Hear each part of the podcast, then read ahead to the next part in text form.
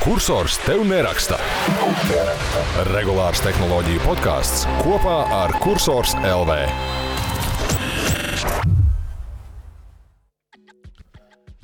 Sveiki, labdien, labvakar, labrīt! Ko kursors tev neraksta tehnoloģiju podkāsta sestajā epizodē. Tā tiek ierakstīta 13. oktobra pievakarē. Studijā esmu es Kristaps, un šoreiz mūsu jaukajam podkāstam ir pieslēgušies Ansis, Jurģis un arī viens no mūsu māriem, tātad Māris Bergs. Labvakar, labdien, labdien, čau! Čau! Jā, um, tātad um, no šīs nedēļas tādām lielajām lietām, lielajām aktualitātēm, lielajiem pasākumiem, manuprāt, ir divi. Uh, viens pasākums ir Microsoft Surface pasākums. Uh, kas notika 12. oktobrī, ja nemaldos. Un otrs pasākums bija Meta, nu, jeb, jeb Facebook meta, tāda virtuālās realitātes pasākums, kurā tika arī prezentēti šādi tādi jaunumi. Es domāju, ka sāksim ar, ar kompjutēm. Tātad, vai kāds no mums te beigas sekoja līdzi un skatījās, kas tika prezentēts šajā Microsoft Surface pasākumā? Īsti es neskatījos, jo tur nu, būsim godīgi, ka surface pasākums ir vairāk amerikāņiem. Protams, pie mums ir arī kaut kādi uh, jūsmiņi, kaut kādi fani šim visam. Bet, uh, ko var pateikt, ir uh, Surface Pro 9, kas ir uh, planšetdatoriņš ar atbalsta kāju. Uh, šoreiz, šoreiz Microsoft spiež diezgan daudz uz ARM procesoriem, bet pieejami arī 12. paudzes Intel procesori. Uh, ARM maksās vairāk. Tur tā starpība bija diezgan uh, liela. Ja, ja Intel uh, šis modelis sākās ar 1000 vai 1100 dolāriem, tad ARM ir no 1300 dolāriem. Un, nu, atcerēsimies, ka tas tomēr ir sava veida nevis klēpju dators, bet planšetdators. Tad ir uh, otrs, ir uh, Surface Laptop 5. Tā, ar to ir uh, nu, cik varēja noprast, Microsoft ir spēlējis diezgan uh, drošā līgā, nekas nav pārspīlēts. Ir Thunderbolt 4 atbalsts un Intel Core processori 12. paudzes, un ir uh, Surface Studio 2, kas ir tāds tā kā televizora veidīgais, cik varēja noprast skārienu ekrāns. Kas pie mums droši vien, es nezinu, kā, vai kāds kaut ko tādu vispār ieraudzījis kādreiz. Bet, nu, jauni produkti ir, vai tie līdz mums nonāks droši vien, vai tie būs kādam aktuāli. Grūti pateikt, jāskatās, kādas ir pie mums cenas, jo tomēr ir eiro dolāra attiecība ir diezgan nogājusi lielā podā. Bet jūs kāds reāli esat surfasu nu, lietojuši? Kristaps ir Kristaps testēja, daudz, daudz testējis. Jā, tā tad, um, tad paldies, Ansī, ka tu ieskicēji, kas tur par tiem jaunajiem produktiem. Uh, jā, tik tiešām šis pasākums bija. Es kā viņu pašu neskatījos, bet es uh, lasīju virsrakstus un pāris ziņām izskrēju tā pa diagonāli cauri. Tur tika izziņots vesels lērums ar šiem jaunajām, um, aktuālajām ierīcēm, šiem jau esošajām produktu līnijām. Un, uh, kā arī tur bija vēl arī papildus arī accessori. Tātad uh, Microsoft izlaiž arī uh, speciālas ierīces, teiksim, nu, accessibility mm, teiksim, jomā, jeb ja pieejamības jomā cilvēkiem ar um, kaut kādu tam, kustību traucējumiem. Tātad viņiem tā kā jau iepriekš tādi produkti bija, un tagad laikam vienkārši ir uh, jaunāku modeļu mm, sērija. Uh, bet, ja mēs runājam par, par Surface ierīcēm kā tādām, tad jā. Pagājušā gada laikā mums, man, nu, kursoram, domāju, bija iespēja ja praktiski iepazīties ar teju visām aktuālajām ierīcēm, gan planšetdatoriem, gan datoriem portatīvajiem, gan šiem divi vienā tipa datoriem, nu, kas ir atāķējumam, tastatūrām. Un, um, un tur man tas secinājums palika tāds. Kopumā Tās ir tādas nu, premium klases ierīces, attiecīgi tās maksā diezgan dārgi. Salīdzinot varbūt ar citiem tehniski salīdzināmiem Windows datoriem, tās ir kvalitatīvi nu, dizaina ziņā, tāda minimal, minimalistiskā, smuki ieturētas, tās ir kvalitatīvi materiāli, tur alumīnijas, tur kaut kādi magnēta sakalsējumi daļā gadījumu. Uh, Feature ziņā, jā, tur ir lētāki produkti, kas, uh, kur nav nekādas baigās wow spēcīgas, bet tad atkal ir arī ir dārgāki produkti, kur ir nu, pietiekami jaudīgi viss un uh, viss notiek un darbojas. Um, tā specifika atkal. Surface ilgus gadus Latvijā nebija brīvi, normāli nopērkami, un tās bija tās ierīces, ko tev uh, um, tādi izteikti, varbūt Microsoft un Windows fani veda no ārzemēm, no Amerikām, un nu, tā kā savulaik senos laikos iPhone mēs darījām.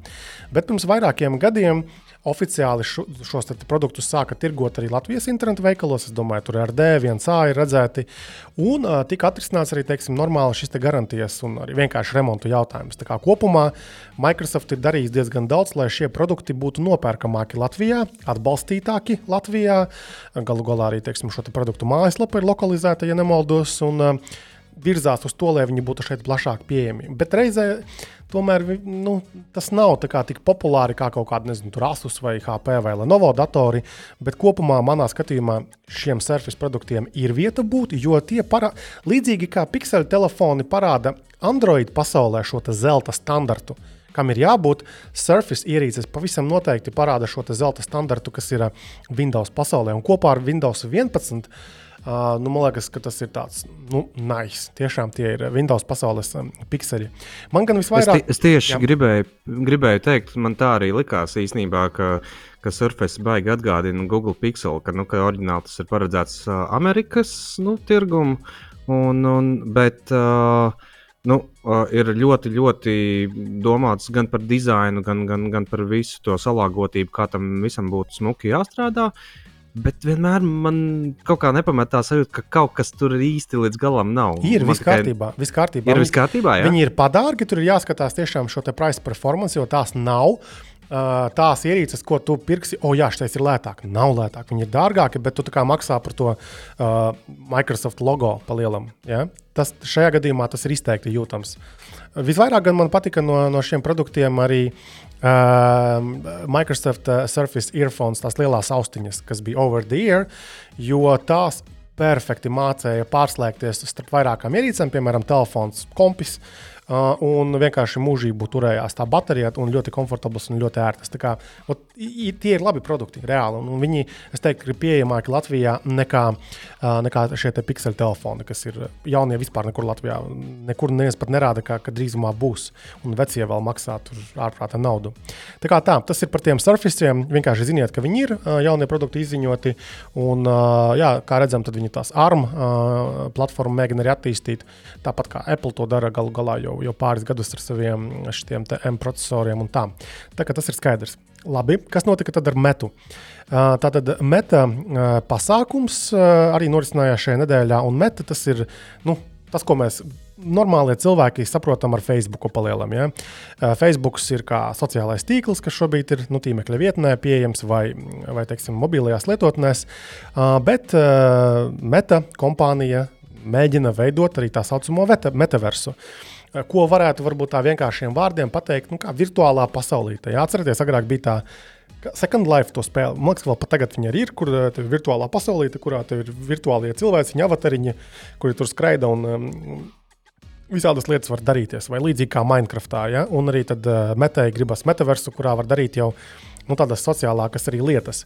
Tātad, tas, ko viņi šur, tur parādīja, tad viņi izziņoja jauno MetaQuest Pro brilles, mm, tādu pusotru tūkstošu eiro vērtos virtuālās realitātes brilles ar, ar kontrolieriem. Tehniski ļoti krūta ierīce, tur, tur, tur viss ir pārdomāts, bet nu, specifiski, tāpēc, ka dārga. Tas noteikti nav produkts masām.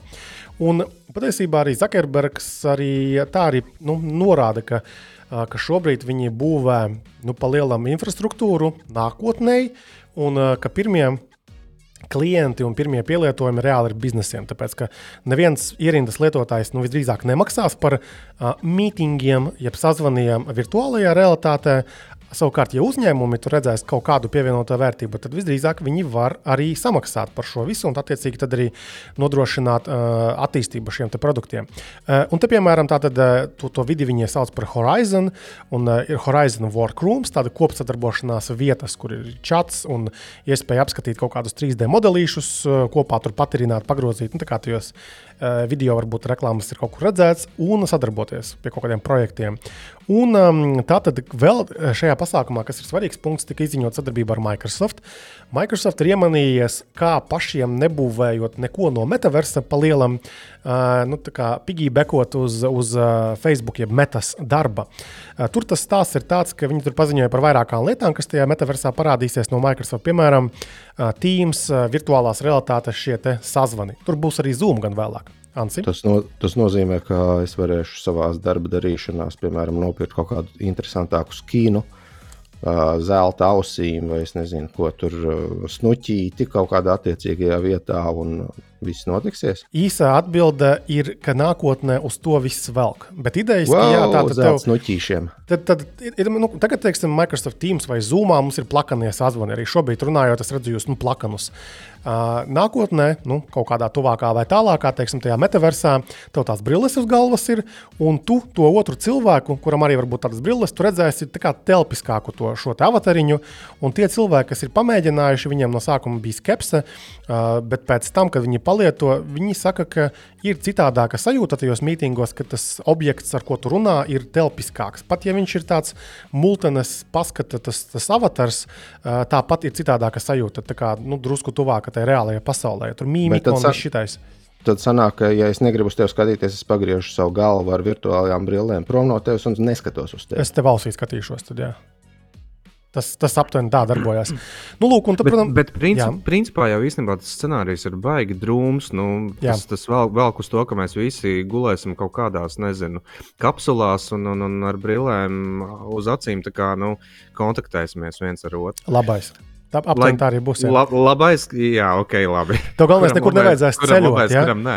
Tad tev nekur Jā. nevajadzēs ceļot. Tu varēsi savā kuldīgā uzvilkt to podu uz galvas, ja, nu es, uh, un, uh, un uh, virtuāli aizceļot uz, nezinu, uz Mozambiku vai, vai Taizemi, kur nu tev, teiksim, sirsniņā kāros.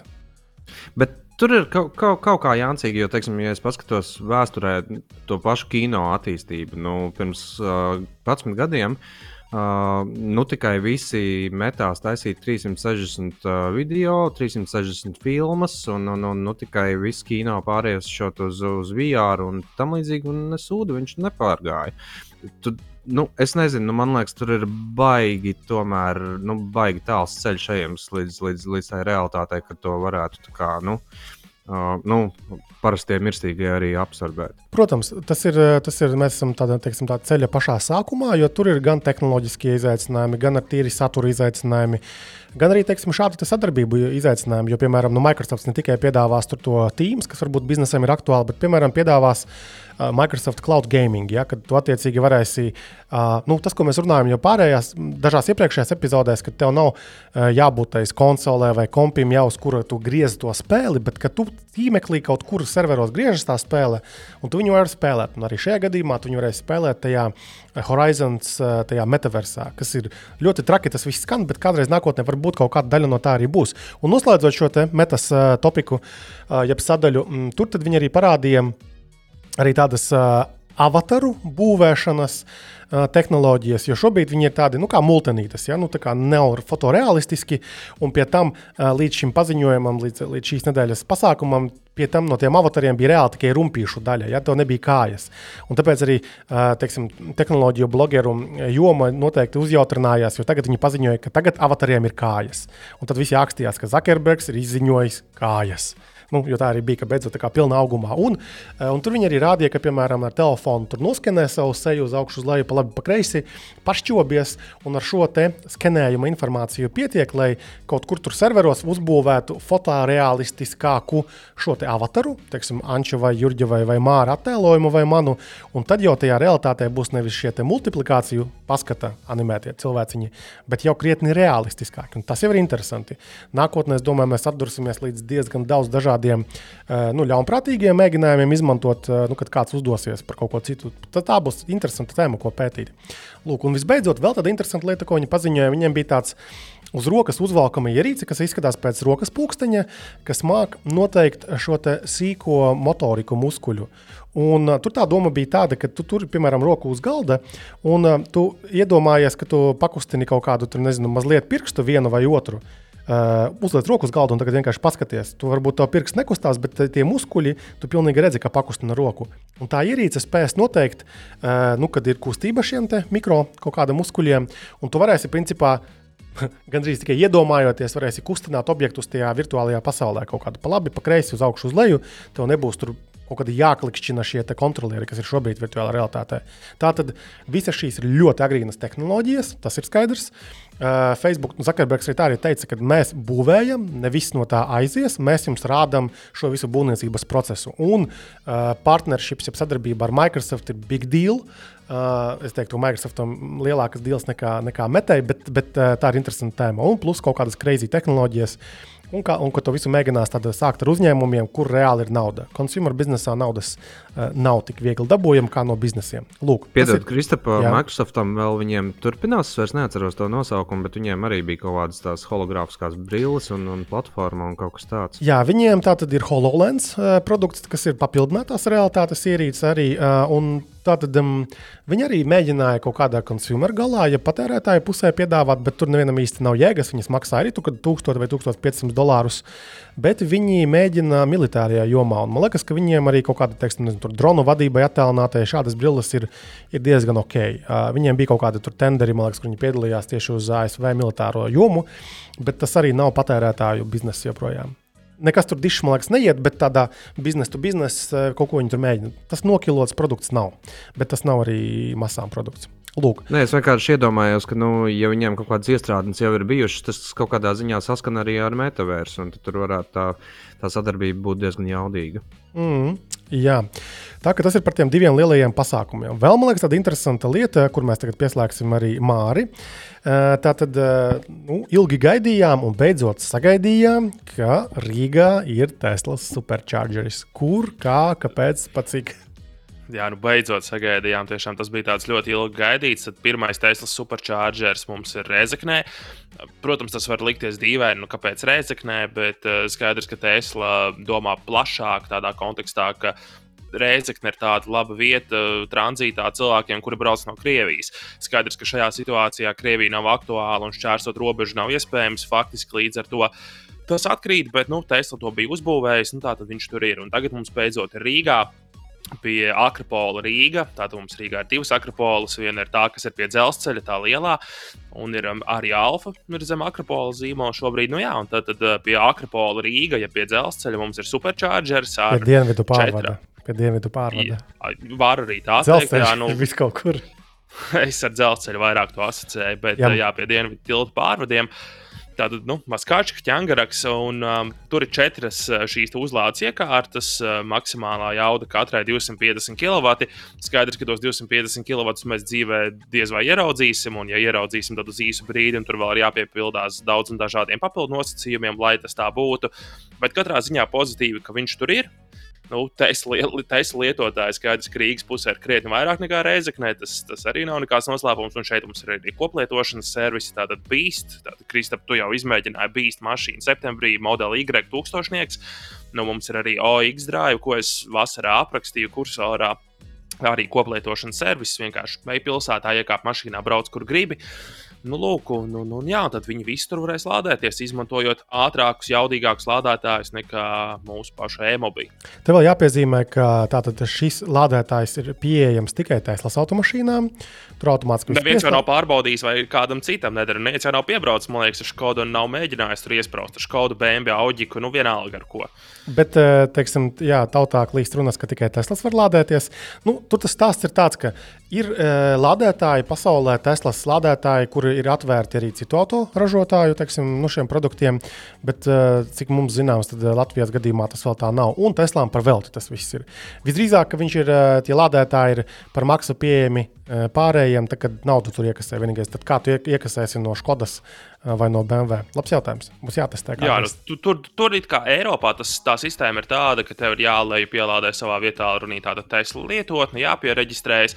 Tur tāda ir šī izvēle, vai tu esi Tesla īpašnieks, vai tu brauc ar kādu citu ražotāju mašīnu. Tātad, ja tu brauc ar kaut kādu BMW, Audi vai vienalga ko citu, nospied, ka tu esi citas mašīnas lietotājs, un tad attiecīgi izpildi visus šos soļus, un to var dragāt. Uh, nu, skaidrs, ka Eiropā, pirmkārt, tajās valstīs, kur tas ir pieejams citu ražotāju mašīnām, Vācija, Nīderlanda, Beļģija, Norvēģija un tā tālāk. Pirmkārt, tur ir daudz vairāk superchargeru kā tādu. Tā ir viena lieta, otrs, ka tur ir vairāk elektrisko mašīnu. Un Tesla šādā veidā, atverot dažus lādētājus šajās valstīs, viņi vienkārši pārbauda, kāda būs noslodze, vai nebūs tā, ka veidosies rindas pie šīm iekārtām un tā tālāk. Nu, Latvijā tagad pie Akropolis, protams, Tesla lietotāji nu, šausmīgi skrēja un testēja, un tajā pašā vakarā, nu, Krista, mēs ar tevi esam vienā elektroautorāta lietotāja čatā, abi, nu, tur jau bija Sajūsma. visi Visi bija sajūsmā, tur bija histērija, un jau kaut kādos pusdeviņos vai deviņos vakarā tur visi četri, visas četras iekārtas bija aizņemtas, un visi lādējās, un nu tik visi provēja, kā nu būs. Nu, lai viņiem visiem labi lādējas katrā ziņā, bet, uh, bet jā, pagaidām divi mums ir. Nu, varbūt būs vēl kāds kaut kur. Tā kā Teslas kartē pie Salaspils stāv, tur, kur apmēram Hesburgers, tur apmēram stāv. Lai gan uh, tas punkts atzīmēts, ka tur būtu jābūt. Bet nekas Bet- tur nekust, man liekas. Ja? un tur nekas nekust. Un arī ir uh, rakstīts, plānota atklāšana 2022. gada 2. ceturksnis. Mm. Mm. Tātad kaut kur pirms pusgada jau bija jābūt atklātam. R Idejiski visticamāk, tas salaspils superchargers, kas tur stāvēja, kurš tur bija plānots, tas ir tas, kas tagad ir pie Akropolis uzbūvēts. Mm. Bet, uh, nu, pēc visas loģikas, kāpēc lai arī tur neuzbūvētu? Nu, tu brauc no Igaunijas vai no Lietuvas, tu ej tranzītā uz kaut kādu Somiju vai atkal uz otru pusi, uz dienvidiem brauc. Kāpēc ne? Kāpēc mīcīt iekšā Rīgā, ja tu vari uzlādēties tur un braukt tālāk pa, pa Vijā Baltika? Mm. Tā tā, tas ir diezgan big deal uh, kopumā raugoties. Kas vēl tāds auto pasaulē šodien tāds interesants noticies uh, tādā tehnoloģiskā auto pasaulē? Jā, nu vēl jau mēs varam parunāt par to, ka Latvijā ir vēl viens auto abonēšanas servis ienācis, tātad Sixt Plus. Nu, ļoti līdzīgi kā iepriekš aprakstītie šie servisi, tātad uh, noslēdz līgumu uz kaut kādu termiņu, maksā fiksētu abonēšanas maksu un lieto konkrētu automašīnu. Tur tev ir iekļauta pati mašīna, abonēšana un vēl kaut kādas lietas, tur apkopes un tam līdzīgi. Nu, jā, nu, tas ļoti populāri ir aizgājis pēdējā laikā, kad tev nav. Kad tiek piedāvāta šāda iespēja dabūt pilnīgi jaunu mašīnu, ka tev nav jākārto leasingi, nav jādara visas šīs lietas. Paņem mašīnu, brauc, saproti, ka tev viņa nedara, nepatīk. Ja kāds iemesls var būt, atmet to mašīnu atpakaļ, ņem nākamo, vai, vai neņem vispār neko un dzīvo tālāk, un tev nav nekāda tāda ilgtermiņa saistība. Protams, tas maksā vairāk kā leasingu kārtot, un diezgan jūtami atsevišķu mašīnu gadījumā, bet nu, ir cilvēki, kuriem tas ir aktuāli, ja jau sikst, un arī daudz, daudz citu uzņēmumu to piedāvā. Jo mēs rakstījām par Renti Plus uh, šovasar, teiksim, kas arī ir šis tāds auto. Nu, Tas ir tieši tas pats. Viņi sauc par abonēšanas pakalpojumu. Tāpat arī bija nesen ziņa, ka tātad City bija atzars, uh, bija kaut kāds, es aizmirsu nosaukumu. Maibī. Maibī, jā, bet pa lielam visi tie ir vienkārši pilna servisa leasingi, kuri vienkārši izmanto modīgus nosaukumus. Būs mums tagad auto abonēšana. Vismaz tā es to redzu. Man liekas, tas ir vienkārši visparastākais pilna servisa leasings. Nu, droši vien, jā, nu, mārketings ā, jau, kā saka, mārketinga darbs ir ietērpt sūdu spild- spīdīgā papīrītī, nu, ja mēs tā varam izteikties. Šis varbūt nav tas gadījums, kad sūds ir jāietērp spīdīgā papīrītī, bet, ā, nu, jā, ietērpt citos vārdos, un cilvēki domā savādāk. Tieši tā, šis, šis ir stāsts par to pašu konču, ieģērbtu citā papīrītī, un o, mums ir jauns produkts vienkārši. Palielam jau nekas jauns tur nav. Uh, kas ar Hyundai notiek? Bija kaut kādas ziņas arī, ka Hyundai tur platformu jaunu veido mašīnām. Nē, nu, Kristap, kā mēs te esam pārbaudījuši, jau esošā Hyundai platforma ir ļoti, ļoti laba. nu, gan Hyundai, gan arī Kia un Genesis, tātad šie zīmoli, kas ir Hyundai koncernā ietilpst, viņu elektriskās mašīnas ir ļoti, ļoti labas, kā mēs esam noskaidrojuši mūsu 1000 km braucienos. Jā, viņi strādā pie jaunas platformas, tātad divas jaunas platformas. Viena ir komerces transportam, kas tiek speciāli būvēts, teiksim, Amazonai vajag, viņi pasūta, priekš tā arī speciāli tiek uzbūvēts, vai jebkurš cits uzņēmums. Priekš viņa speciāli, tā kā viņam vajag, tā arī tiek uzbūvēts. Un tad ir otra platforma, kas tiek būvēta sēriju veidu mašīnām, pasažieru mašīnām. No Hyundai tur liels lietas soli par 50, km, par 50% ā, lielāks nobraukums ar vienu uzlādi. Nu, ja, piemēram, tagad uh, Kia EV6 vai Ioniq 5, piemēram, mums sola nezinu, 500 km VLTP ciklā, nu tā piemetot.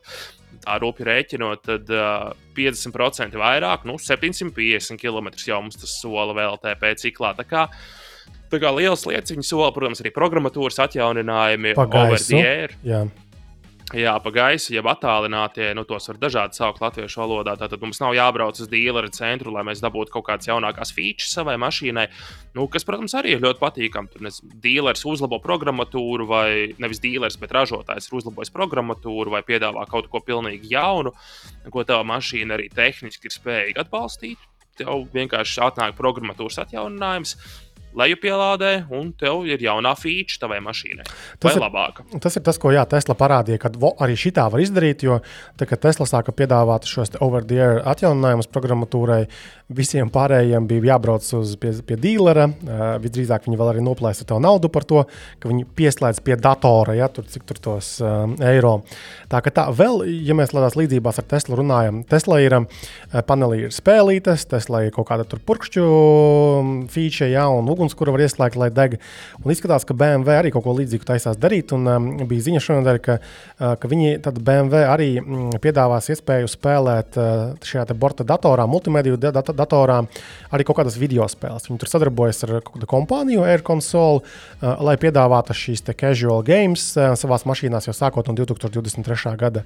Un es tā padomāju, uh, Tā ir diezgan forša lieta elektromašīnām, kuras tev kādu laiku tomēr eh, pavada pie lādētājiem un, eh, un telefonā bakstīties. Varbūt tev apnīk ar laiku, un nu, tu vari paspēlēt kaut ko arī tajā eh, mašīnas panelī. Parastā mašīnā diez vai mums beigas spēles vajag. Ne? Vai kādam? Nē, nu parastā, man, man parasti manā dīzeļa mašīnā man neprasās skaidrs, ka uzspēlēt neko neprasās. Daudz, kur, jā, daudz ražotāji daudzajādā ziņā tiešām cenšas kopēt Teslu un šīs lietas, ko viņi ir ieviesuši, gan atjauninājumus, gan, gan vispār pārdošanas modeli daudz apsver atteikties no dīleriem kā tādiem. Vienkārši šis tiešais pārdošanas modelis, ka ieej mājaslapā, pasūta mašīnu un, un, un tam līdzīgi. Līdz ar to nav kaut kāds vēl starpnieks starp tevi, kā klientu un ražotāju daudzas lietas mēģina kopēt. Nu, Tātad Volkswagen bijušais eh, valdes priekšādātājs Herberts Dīs, viņš bija milzīgs Teslas fans, un tad attiecīgi Volkswagen ļoti daudz mēģināja kopēt, kopēt no viņiem. Eh, par lādēšanu runājot, tad NASA strādā pie jaunas tehnoloģijas, ka arī elektri elektrisko mašīnu varētu lādēt 5 minūtēs vai pat vēl ātrāk.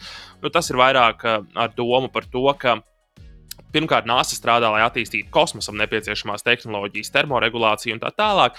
Pēc tās ir par to, ka viņi dzēsēs nevis baterijas vai vēl kaut ko, viņi dzēsēs uzlādes kabeli, lai tu varētu dot iekšā lielāku jaudu. Jautājums, kā neizcept tās baterijas, tur dodot milzīgu jaudu iekšā. Bet, eh, bet NASA kaut ko domā un, un skatās un pēta. Un eh, elektroautorāta pielietošanā tas, tas arī ir, teiksim, izsvērts un mēģināts. Jā, ok, labi, Mārija. Paldies par autoziņām. Kaut kas vēl tāds pieminams ir, vai nu jau būs gana labi? Es domāju, ka būs pietiekami. Nestāstīsim par prezentētajām mašīnām. Ir jau arī dažas interesantas mašīnas prezentētas šonadēļ. Vienu, bet, nu, to jau izkursorā var izlasīt. Vienu, vienā teikumā vienu. Kas BMW M2, M2 interesants jā. autiņš. Jā, 450 zirgspēki ar manuālo kārbu. Izklausās forši un nav milzīgas nāsis. Kā, varbūt nav pats smukākais BMW, kāds redzēts, bet vismaz nav tās lielās, dramatiskās nāsis kā X7. Starp citu, par BMW runājot, mums taču šonadēļ uzrakstīja kāds mūsu lasītājs, un viņš tiešā tekstā tā arī jāpastā pateica reāli pī, tas, ka jūs tur tās elektromašīnas mokat, kāpēc jūs nevarat izbraukt ar normālu mašīnu? Viņš mums piedāvāja nu, tādu īsu mikrotestu savējo automobīli, kas bija kaut kāds BMW ar V8, kas ir diezgan X6M, jā, tas diezgan competition. Jā. X6M competition. Jā, tā kā, tā kā paldies eh, lasītāji arī par šādiem piedāvājumiem. Te es gan uzreiz piezīmēšu, ka tā mēs baigi nerojamies, tāpēc, ka tas ir tāds baigais, eh, nu, atkal atbildību jautājums. Ir viena lieta nošķilt nejauši dīlera mašīnu, kura visdrīzāk ir arī būvēta un paredzēta tam, ka viņi var piemeklēt arī šāds liktenis, nekā tomēr sabojāt nejauši kādam ikdienu, nu, parastam lietotājam, mūsu lasītājiem. Tā kā paldies par piedāvājumiem, eh, bet mēs tā ļoti uzmanīgi attiecamies uz uh, piedāvājumiem izgāzt ar, ar, ar citu tehniku. Tiesa, telefonus mēs esam svešus testējuši. Tur ir nu jā, nu, simt sim tūkstošu svērtu bēnbi nošķilt negribētos. Tīpaši tādu, kur ir V8 motors un kur nav liela māksla pārcensties un nošķilties. Jep, jep, jep. Tā kā tā, labi, paldies, tad, Māri. Var doties savās gaitās tālāk un par NASU runājot.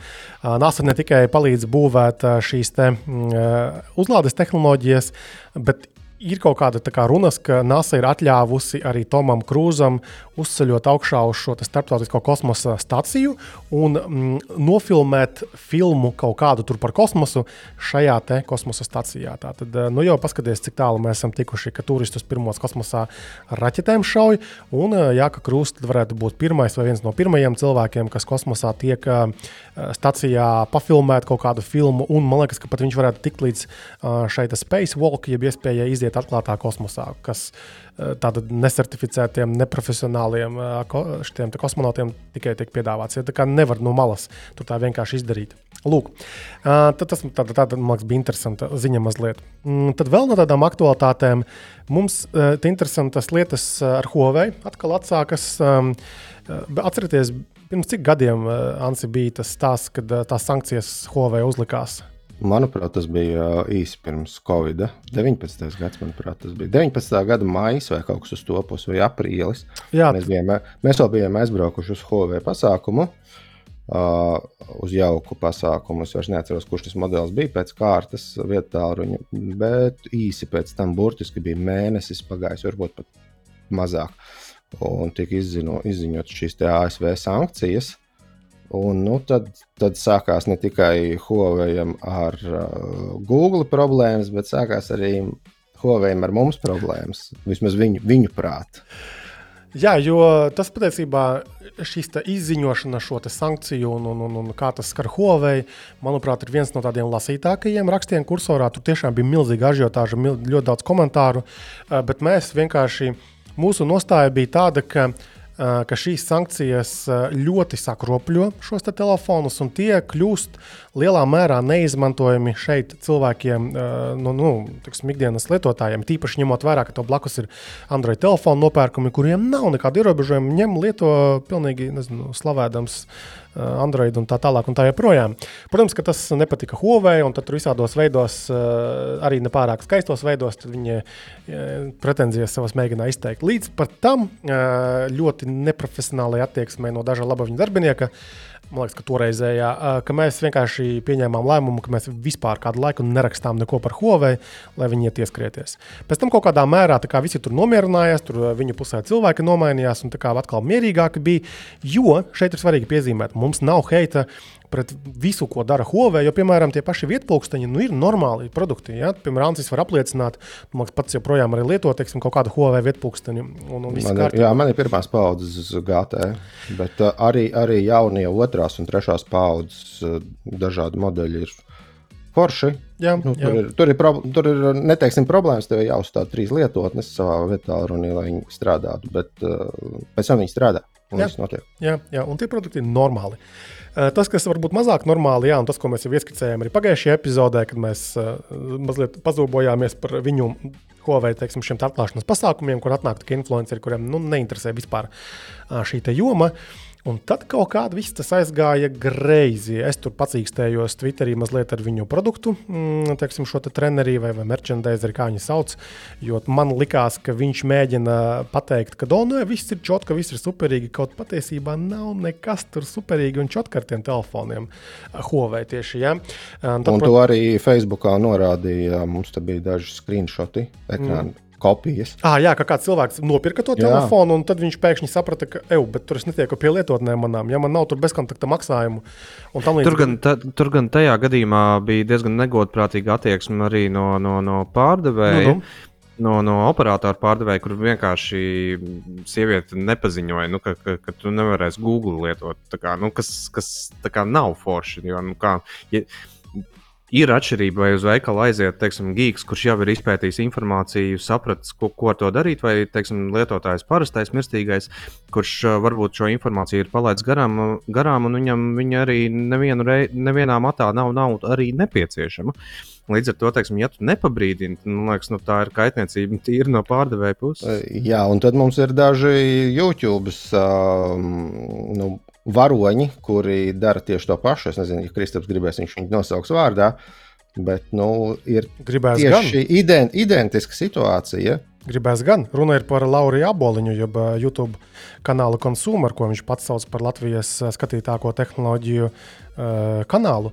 Tātad stāsts ir ar normāls čalis, viss kārtībā un saprot kaut ko no tehnoloģijām, bet mūs ļoti izbrīnīja tas, kā viņš savā video apskatā pasniedza Huawei Nova 10 vietālu. Tātad tas ir viens no tiem diviem jaunajiem vietāluņiem. Uh, viņš tur video savā parādīja, ka tur kameras un tiešām foršas dzelži, jau nu nav nekāda problēma, bet viņš ne ar vienu pušplēstu vārdu nepieminēja šīs programmatūras nianses, man tas liekas nu, nekorekti pret, uh, pret uh, klausītāju, skatītāju, ka tu pa lielam nepasaki, svarīgāko, kas ir par šīm konkrētajām ierīcēm. Nu, ne visi ir gīki, kā jau te minēja Jurģis, ja, kad, kas zinās, visu būs izpētījis, jau visus hakus būs atradis un APK failu salasījis, ja, uh, kompaktdiskos sarakstījis šajā melnajā ziņā mapītēs, ja, uh, savām lietotnēm. Un, un vienkārši kā, kā var nepieminēt? Tieši tāpēc Kā, es gribēju pārbaudīt, eh, nu, kā, nu, vai tiešām es kaut ko nesaprotu. Ja, varbūt viss reāli jau ir skaisti. Varbūt tajā Huawei apgalerī lietotņu veikalā ir visas lietotnes pieejamas. Un palūdzu, Huawei, nu, lūdzu, nodrošiniet mums testa ierīci, lai mēs varam nu, pārbaudīt, kāda tā situācija ir. Nu, pēc brīža atbildēja no Huawei Latvijas teiksim, pārstāvis un teica, jā, labi, ieliksim jūs rindiņā kas man liekas, nolasot starp rindām, vienkārši nedosim, kaut kad varbūt nākotnē iedosim. Bet ir nosacījums viens. Jums būs jānoklausās produktu apmācība, pirms mēs jums iedosim šo ierīci. Tur kompanija policija, bla, bla, bla. bla. Es piezīmēju tikai atkal, esot jomā nezinu, vairāk nekā desmit gadus. Neviena cita kompānija nekad nav mums ar šādiem nosacījumiem piedāvājusi testa ierīces. Parasti te iedot ierīci, jo mēs jau testējam arī no, kā, no parastā lietotāja vulgāri skatu punktu raugoties. Paņemam, skatāmies, kā tā ierīce darbojas. Ja mums kaut kādi jautājumi rodas, mēs pajautājam zīmolam. Un tādi gadījumi ir bijuši. Tas nav nekas traks. Daži zīmoli iet tā, tālāk, ka viņi teiksim, apskatniekiem jau sagatavo gatavus PDF-iņus, ja, tā saucamās reviewers guide. Kur pa lielam ir vienkārši spēcene smuki norādīta un kaut kādas funkcijas, ko kā ražotājs skaidro, kā tam būtu jādarbojas. Šad un tad mēs ielūkojamies, lai tīri saprastu, kā tas darbojas. Bet tā principā mēs ierīces testējam, kā mēs viņas redzam, kā mēs, sask kā mēs viņas saskatām. Un tad, ja zīmolam liekas, ka ir kļūdas ar faktiem, protams, sakiet, mēs pielabosim, ja šķitīsim, ka tas ir nepieciešams. Nu, tad šajā gadījumā vienkārši mūs normāli atfutbolēja.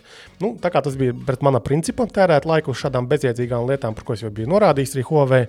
Tad nācās vienkārši iztērēt 500 eiro un nopirkt to Huawei Nova 10 par mūsu naudu, lai mēs tiktu pie iespējas notestēt šo ierīci tā, kā mēs uzskatām par pareizu, un pastāstīt jums, dārgie klausītāji un skatītāji, kas tad ir mūsdienās, 2022. gada nogalē, kā tas ir lietot Latvijas pusē Huawei vietā runi. Es gan paskatījos, eh, kas vispār ir ar tām lietotnēm un, un cik ir pieejamas. Un, eh, tāds īsais, pirms vēl telefons nav atceļojis pie manis, eh, secinājums ir tāds, ka apgalerijā nemaz nav būtiskākā skaita, teiksim, Latvijā aktuālo lietotņu.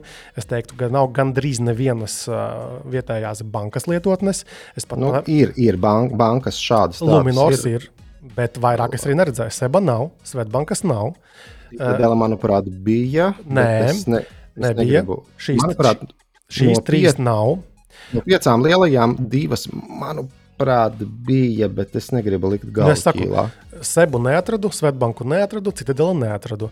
Un neformāli viens no, no, no lielās, lielas bankas pārstāvjiem man tā arī teica, Jā, Huawei nāca pie mums, piedāvāja naudu, lai mēs sagatavotu versiju šim apgalerijam, bet mums, nu, bankai, likās, nu, ka tas ir nedroši, un mēs savu lietotni šajā veikalā nepiedāvāsim. Jo tur ir vesels lērums ar mm, lietām, kur tu nevari būt drošs, kas tur tālāk notiek ar taviem datiem vai klientu datiem, un attiecīgi banka šo risku neuzņemas. Un plus, kas vēl svarīgi, ir Huawei Huawei, acīm redzot, nav kaut kādu mm, sadarbību ar šīm Visa un Mastercard schēmām.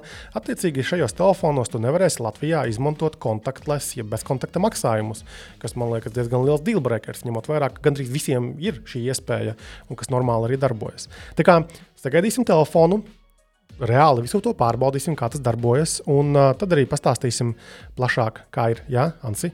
Uh, man bija tāds jautājums, visi ir tā šausmīgi skaidri pateikuši, kurš tur iziet no Krievijas, kurš pārdod visu. Bet man liekas, no šiem džentlmeņiem nav bijusi vispār nekāda informācija šajā ziņā. Iespējams, es kļūdos, visticamāk, es kļūdos. Es ceru, ka es kļūdos.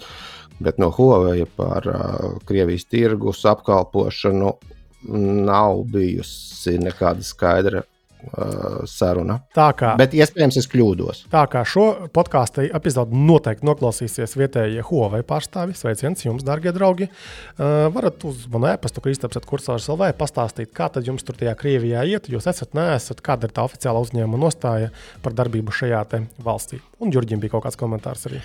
Jā, nu, par to Huawei pārstāvju komunikāciju ar tevi, Kristap, es tajā saskatu īstenībā vienu lielu bīstamību, un tā ir uh, elementāra vārda brīvības bīstamība.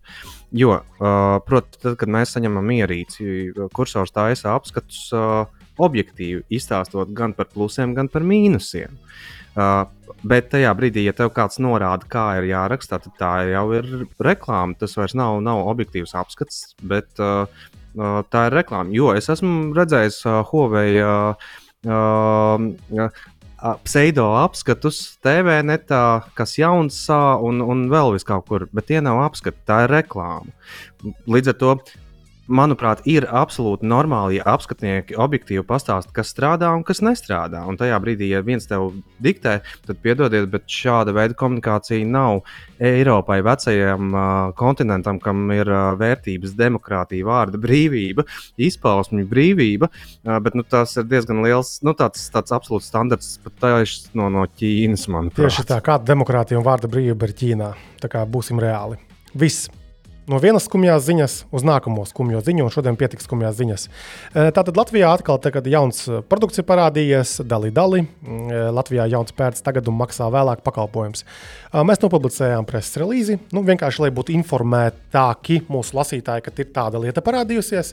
Un es pats paskaidrošu, kāpēc. Tātad arvien biežāk, gan ārzemēs, gan arī lokāli, var sākt dzirdēt par tādu jēdzienu kā buy now, pay later, jeb nopērts tagad, maksā vēlāk.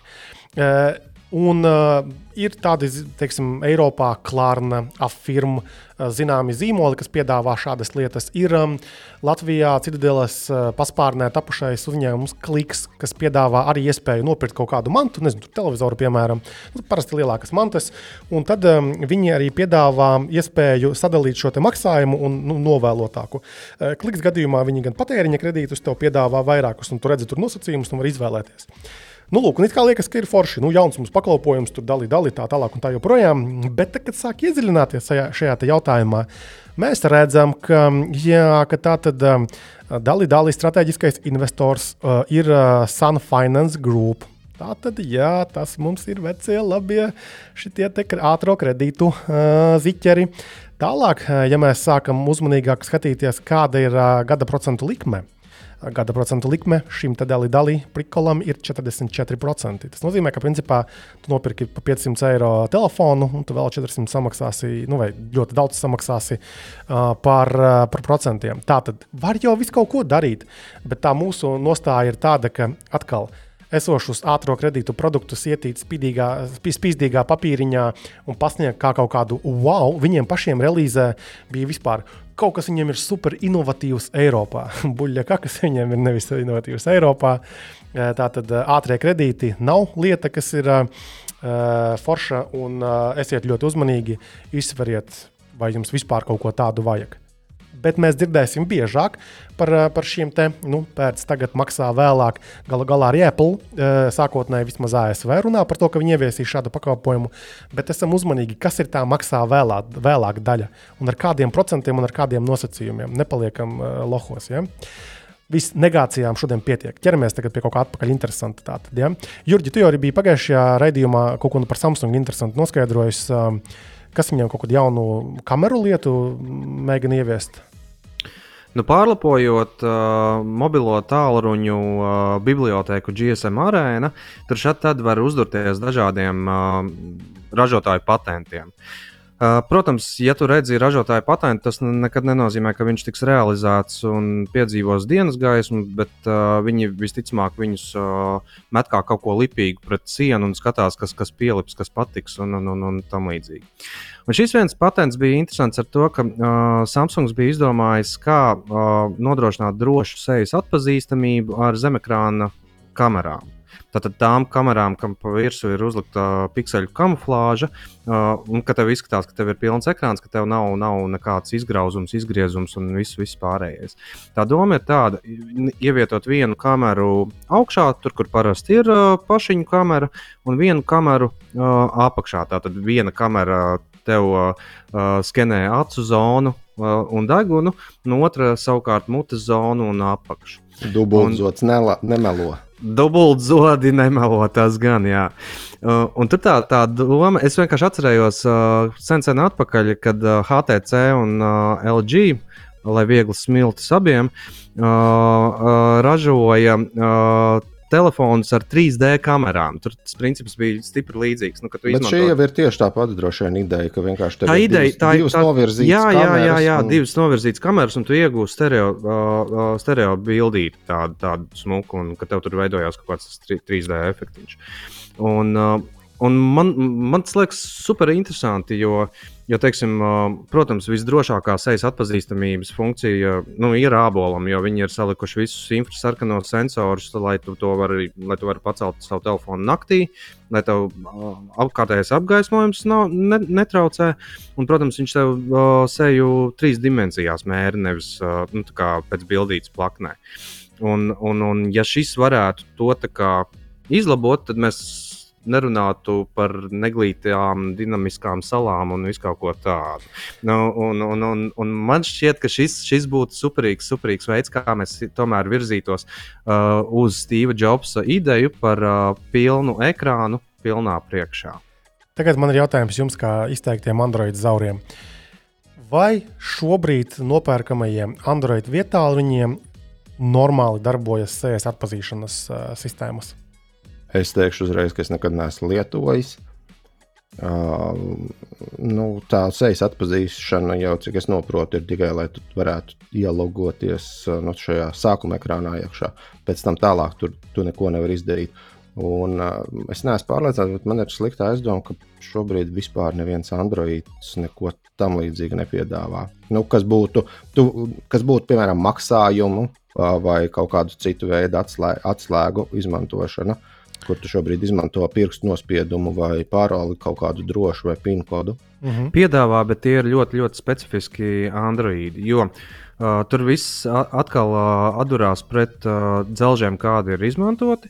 Tiem, kam ir vienkārši caurumiņš ar, uh, ar vienkāršu kameru, uh, tad šī sejas atpazīšana nav droša, jo viņi būtībā tev nofotografē un apstāsta, vai, vai, vai, vai, vai, vai sakrīt vai nesakrīt. Uh, Uh, bet uh, ir arī tādi Android telefoni, kuri ir tikuši pie pilnvērtīgas 3D sejas skenēšanas, un tad, uh, to, to, to viņi spēj izdarīt. Uh, Tas pats uh, Huawei, starp citu, arī to, to savā laikā, un arī uh, viņu uh, uh, jaunprezentētajā Mate 50 arī to, to ir izdarījis. Bet tad ir jāpaskatās arī uz uh, Huawei attēlo brālēnu Honor, kurš arī tieši to pašu ir izdarījis. Tikai pie mums uh, pagaidām tie viņu flagmaņi ar šādu feature nav nopērkami. Jo kāpēc es jautāju? Es atcerējos, ka mēs bijām testējuši Samsungam. Kas tas bija kaut kāds Galaxy S10, noteikti ap S10 vai S11 laikos. Uh, kad Samsung diezgan aktīvi reklamē, ka, oh, jā, mēs varam tur pieteikties telefonā, jau ielogoties ar seju. Un es vienkārši paņēmu, izbrīnēju savu bildi, pieliku bildi un es tiku iekšā telefonā, kas vienkārši automātiski parāda, ka ir absolūti bezjēdzīga šī sistēma. Atkal no Apple puses raugoties, šeit mums ir gan uh, kvalitatīvi nostrādāta šī sistēma, jo tas ir reāli de facto standarts, kā mēs tiekam iekšā telefonos, laikos, kad nav nekāda home poga apakšā. Un atkal Apple lielais trumpis ir tas, ka viņiem viss ir saintegrēts, jo viņi pārvalda visu uh, savā ierīcēs un programmatūrā, un atkal visi maksājumi ar, ar, ar Apple Pay gan, gan internetā, gan arī pie maksājuma termināļiem, sejas noskanēšana vai arī uh, paroles kaut kādas sejas noskanēšana. Viss, un viss arī darbojas. Un naktī, dienā vienīgais, jā, brilles mēdz patraucēt. Man ir moča ķiverē eh, grūti. Man būtu jāapmāca iPhone, ka tas ir mans secondary look. Uh, un ar maskām bija tajos laikos, kad mēs biežāk valkājām, bija problēmas. Bet visādi citādi, ja tu redzi seju, tad iPhone tev tiks iekšā. Tā kā forši, ka notiek Eh, darbības Samsung pusē un arī citiem varbūt ražotājiem. Starp, starp citu, pirms pāris gadiem es tieši testēju uh, LG G8S telefonu, un tas bija biometrijas čempions.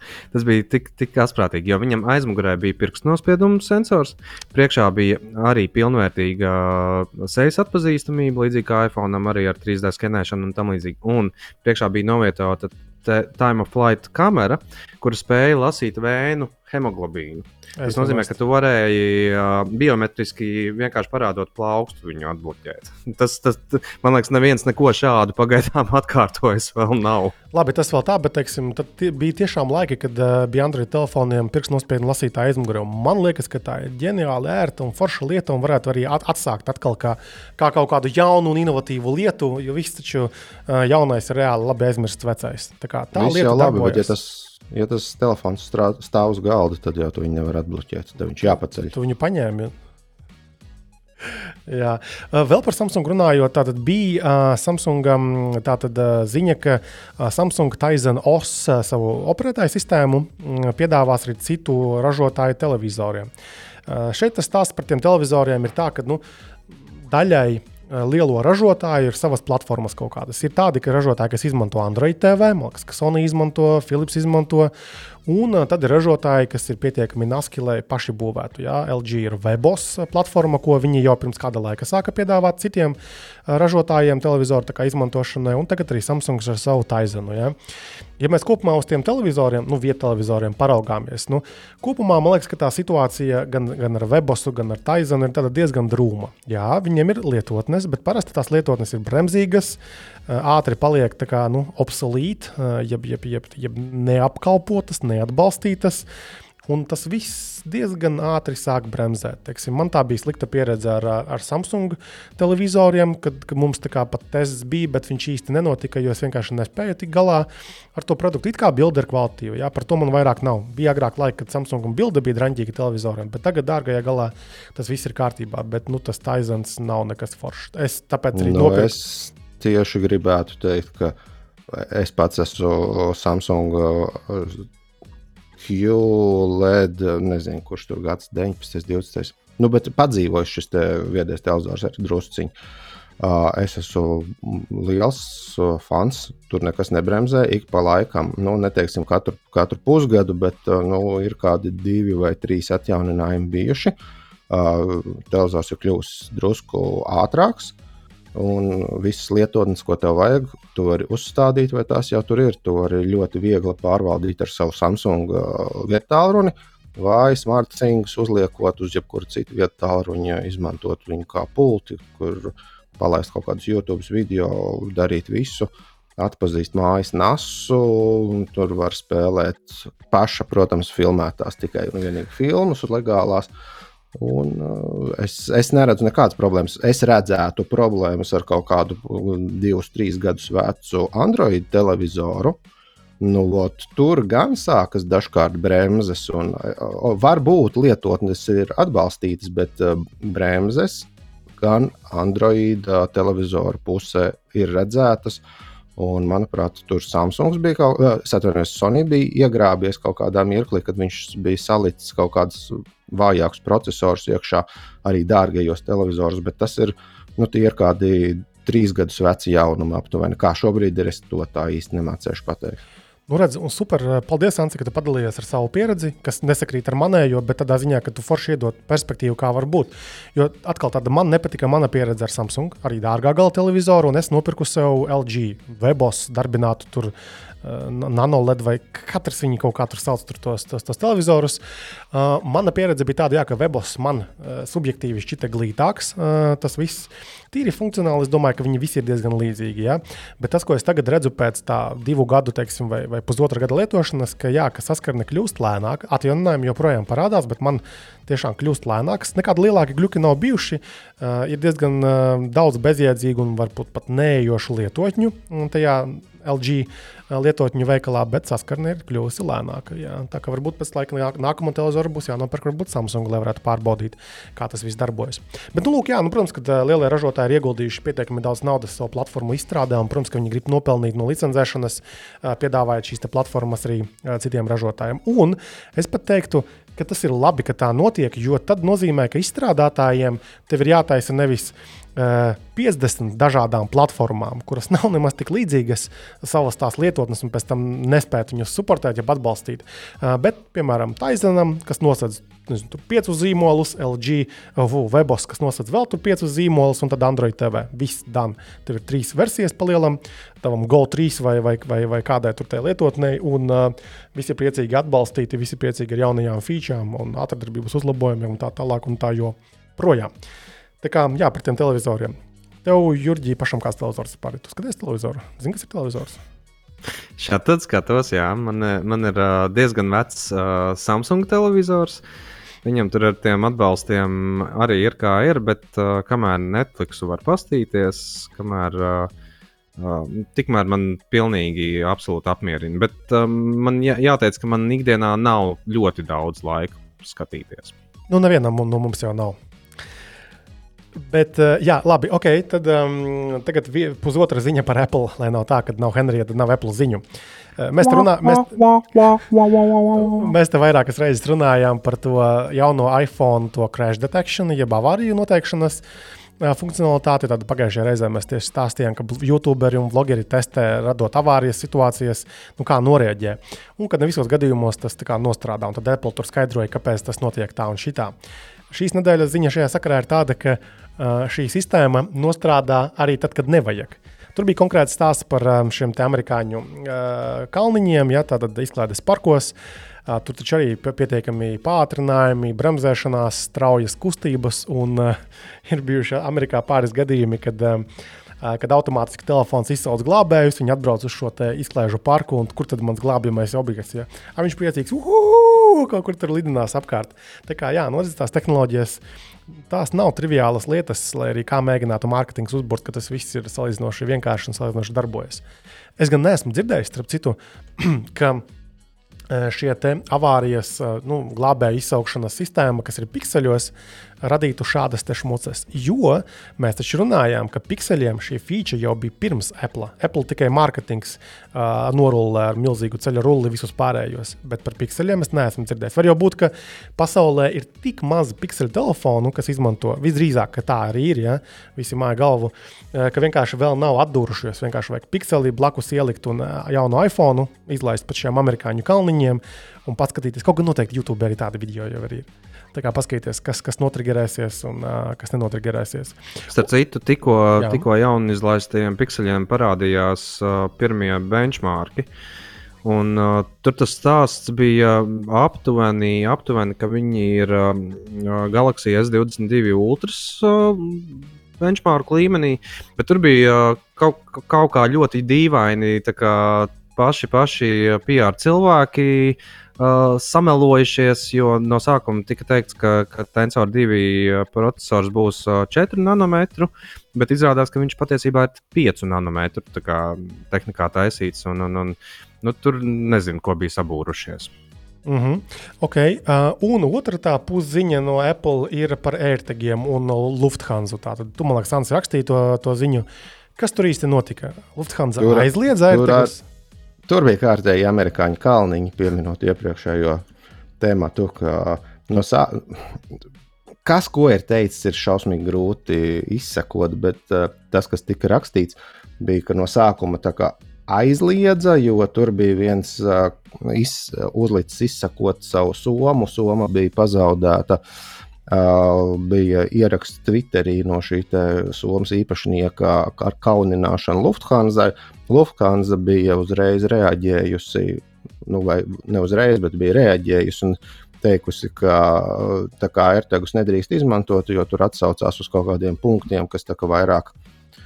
Nu, es nezinu, vai mūs, mūsdienās būtu aktuāli par, par šīm ierīcēm, kas kaut kādu izstaro kaut kādus signālus, kas droši vien ir vairāk paredzēts uh, kaut kādiem telefoniem, GSM telefoniem, 2G, NMT, nezinu, varbūt 3G telefoniem. Bet pēc tam atkal bija apmesta jaciņa uz otru pusi un bija pateikts, ka nu, Lufthansa bija pateikusi, ka nu, lieciet tos airtagus un izsekojiet mūs un dariet, ko jūs gribat. Bet kā tas, kā tas viss noslēgsies, to ir grūti pateikt. Nu, vai tā ir milzu, problēma, ka tev nododamajā bagāžā ir iekšā kaut kāds vājš, Bluetooth signāls? Nezinu, neesmu ne, ne šīs avio jomas eksperts, ne fiziķis, nekas. Bet, manuprāt, nu, tās ir pilnīgākās muļķības, jo droši vien kā Bluetooth austiņas izska, izstaro spēcīgāku šo Bluetooth signālu nekā kaut kāds AirTags. Zinat, kādu signālu izstaro AirTagi? Vāju, nezinu. Izstaro signālu, kas uh, atšifrēts skan pērts, pērts, pērts, pērts, pērts vēl Apple produktus pērts. Bet, ja runājam par šī nopietnāk, tad jā, kad tika izziņoti šie Apple AirTag mazie izsekošanas uh, tabletītes, vērtīši. Tas bija ļoti populāri. Viņus lipināja klāt somām, viņus lika klāt dzīvniekiem, velosipēdiem, motocikliem. Ir bijuši gadījumi, kad oh, izsako, ka bandīts nozaga šo velosipēdu vai motociklu, bravūrīgi pats iet meklēt, un tad bandīts izdauza redeli, piemēram, ja, no zobiem, kad, kad nebūs nekāda pašam atgūšana šīs te tehnikas. Tad bija gadījumi, kad vienkārši testē, kā darbojas šie kurjeru dienesti. Ja? Tad pielipina sūtījumam vai ieliek kastītē iekšā šo ērtegu, un tad skatās, kā viņš nonāk uz šo hubu kaut kādu un kā viņš tur tālāk izplatās. Jo es domāju, ka daudzi mēs esam aizdomājušies, kā tas ir iespējams, nezinu, tur dienas laikā atsūtīt no Eiropas pašas, pašas apakšas līdz mums kaut kādu paciņu Amazonā, piemēram. Ja? Tad bija gadījumi, ka, man liekas, Timam Kukam sūtīja arī paslēptu kaut kur kastītē, un tur Apple, protams, uzķēra un diezgan zobgalīgi atbildēja forši. Tā kā AirTag ir forši. Man arī ir atslēgu piekariņam. Man viņš ir. Es nekad neesmu, vēl nav bijusi situācija, ka man ir jāmeklē, bet viņš tur ir. Drusku mierīgāks, varbūt jūtos. Tā, Drīz tas... nav jāsāk mainīt bateriju tam. Nē, viņi tur kaut kādā reāli maksā divus gadus vai, vai trīs var darboties. Tur tā lielā apaļā, tā, tā kā viņi tur tā saucās. Nu, kas notiek pēc tam diviem, trim, trim gadiem pēc nākamo? Nē, atlēs vaļā, nomaini. Tas nav tev, zini, AirPodi, kur tu pats nevari neko nomainīt. Bet šitiem at, atlepini vaļā viņu, at, nu, atāķē, ja, un ieliec iekšā bateriju to un, un lieto vēl. Tā kā tādā ziņā vismaz ko, ko, bet šito Apple ir izdarījuši godam. Lūk, un vēl, starp citu, vēl par lidostām runājot, ir, ir vēl tādas aktīvas ziņas un runas, ka lidostās ir problēmas ar 5G.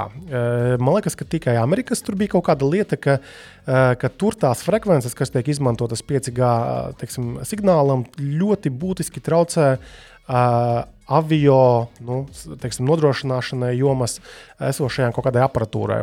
Ne tik ļoti kā AirTags, bet uz to pusi. Jā. Bet tieši kaut kādam e, ekipējumam, kas ir lidostās, tieši nu, lai nodrošinātu šo darbību lidostu.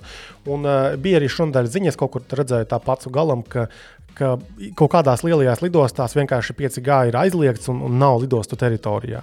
Ne tik ļoti pat lidmašīnām, man liekas, ka tas traucē, bet visai tai tehnikai, aprīkojumam, kas, kas ir apkārt.